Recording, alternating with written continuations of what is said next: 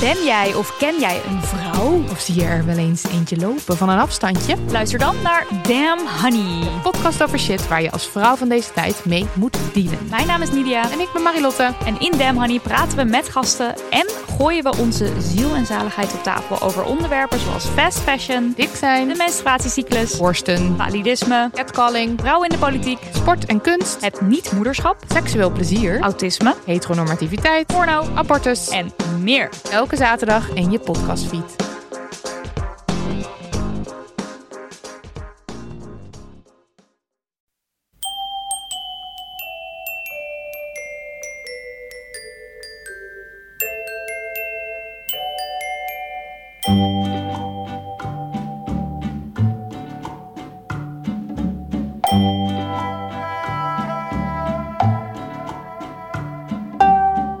Welkom bij aflevering 199 van de Echt Gebeurd podcast, waarin waar gebeurde verhalen worden verteld door de mensen die ze zelf hebben meegemaakt. Deze week een verhaal van Joris Staanman, verteld tijdens een verhalenmiddag met als thema Slechte beslissing.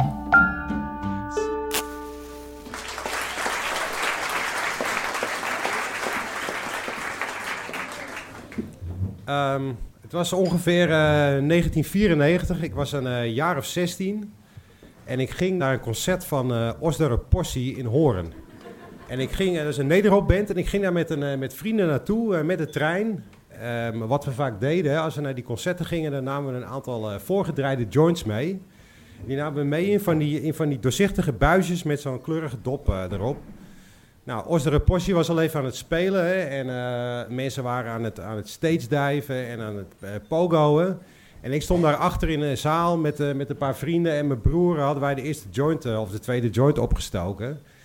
En eh, het kwam er eigenlijk op neer dat ik eigenlijk een vrij groot deel van die joint heb opgerookt. En die joint die viel niet helemaal goed. Dus ik ben, vervolgens ben ik na dat concert, of tijdens dat concert ben ik even naar buiten gelopen. En dat, dat jongerencentrum dat bevindt zich in een, in een park.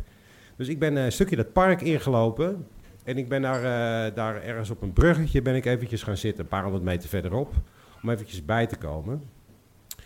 En ehm, toen ik daar zat, eh, toen reden er eh, een paar gastjes reden langs. En één gast die keek me echt heel erg kwaad keek me aan. En nou ja, dus, dus die, en dat ze voorbij reden, reed, ging- toen maakten ze eigenlijk rechtsomkeerd.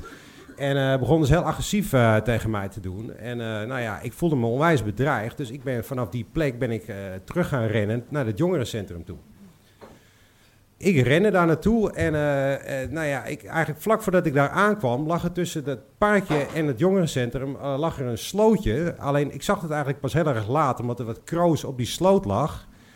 En nou ja, ik heb toen eigenlijk in een split second heb ik besloten van ik spring wel over die sloot heen.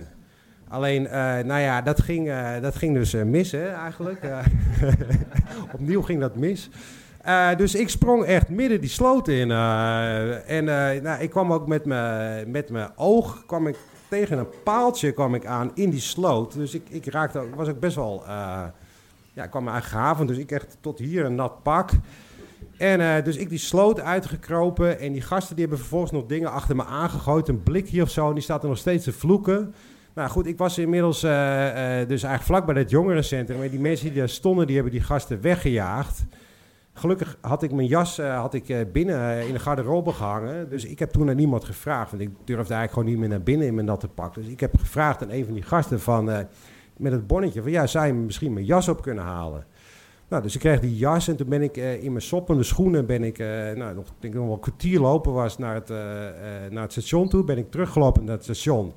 En ik bedacht me toen eigenlijk onderweg van ja, ik wil eigenlijk niet dat mensen dit, eh, eh, dit weten. Hè. Dus ik, ik, ben, eh, ik, ben, ik dacht van nou, dan pak ik, hoop ik dat ik dan, dan de, de, trein in kan sneaken. Dat niemand het ziet en dat ik dan gewoon thuis weer, weer gewoon, dat er niks aan de hand is. Maar goed, alleen de laatste trein was, nog, wa- was er die reed nog. Dus ik moest wachten tot. En, en toen kwamen ondertussen kwamen ook al mijn vrienden, die zouden weer terugkomen om in die trein in te gaan. En ik heb dus toen nog geprobeerd om eh, het, het, het, eh, de, de trein in te sneaken. Alleen ja, ik werd dus eh, opgemerkt door een van mijn vrienden of mijn broer of zo. En die, die kwamen echt zo lachend van... Hey, er zitten allemaal kroos in je haar. Je, kleren zijn helemaal nat. wat is er met je gebeurd? Nou, dus toen heb ik eigenlijk, omdat ik me zo schaamde, heb ik toen het verhaal opgehangen van, ja, ik, ik, ik ben in elkaar geslagen. En ik ben volgens in de sloot ingegooid door een paar gassies. Ja, een beetje, ja, vage omschrijving. Een jongen met een petje en eh, met een trainingsjack aan of zo.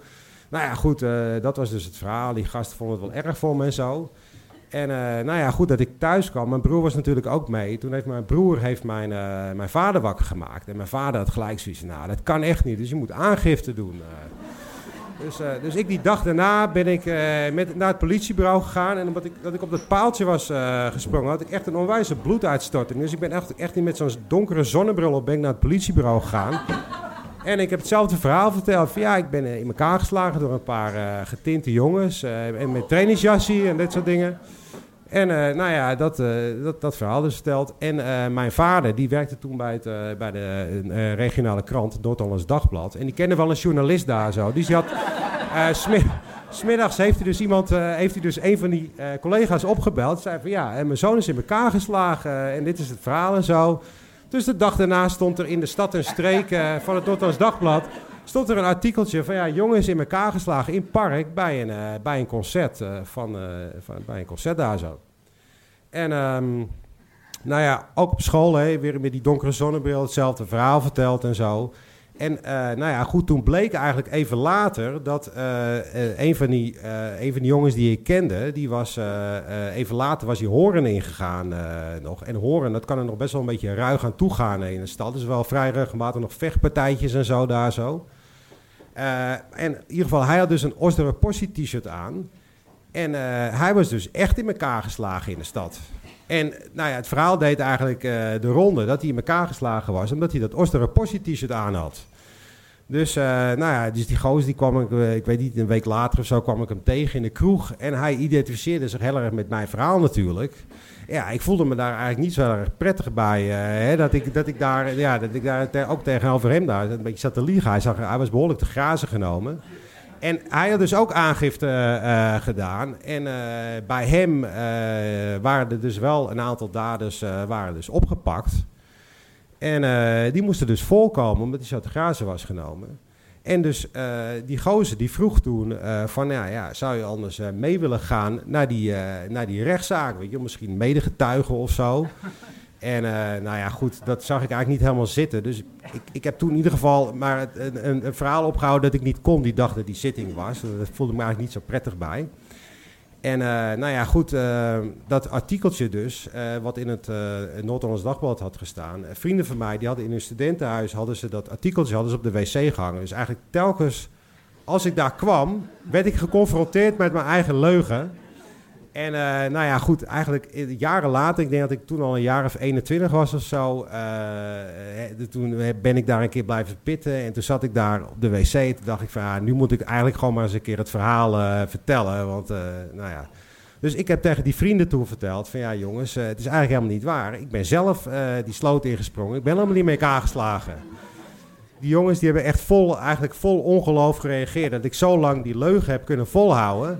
Maar goed, ze hadden uiteindelijk ook wel, wel heel veel respect eh, eh, ervoor. Dus ja, dat is wel mijn, mijn, mijn les dan geweest. Dat je dan, ja, als je dan die leugen dan lang genoeg volhoudt, dat je uiteindelijk het respect er toch mee kan verdienen.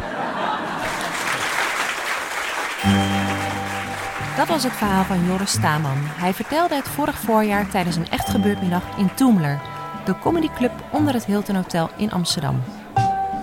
De laatste verhalenmiddag van het seizoen was afgelopen zondag. Na de zomervakantie zijn we weer elke derde zondag van de maand te vinden in Toemler. En jij kunt daarbij zijn, als bezoeker of als verteller. Houd onze website in de gaten www.echtgebeurd.net.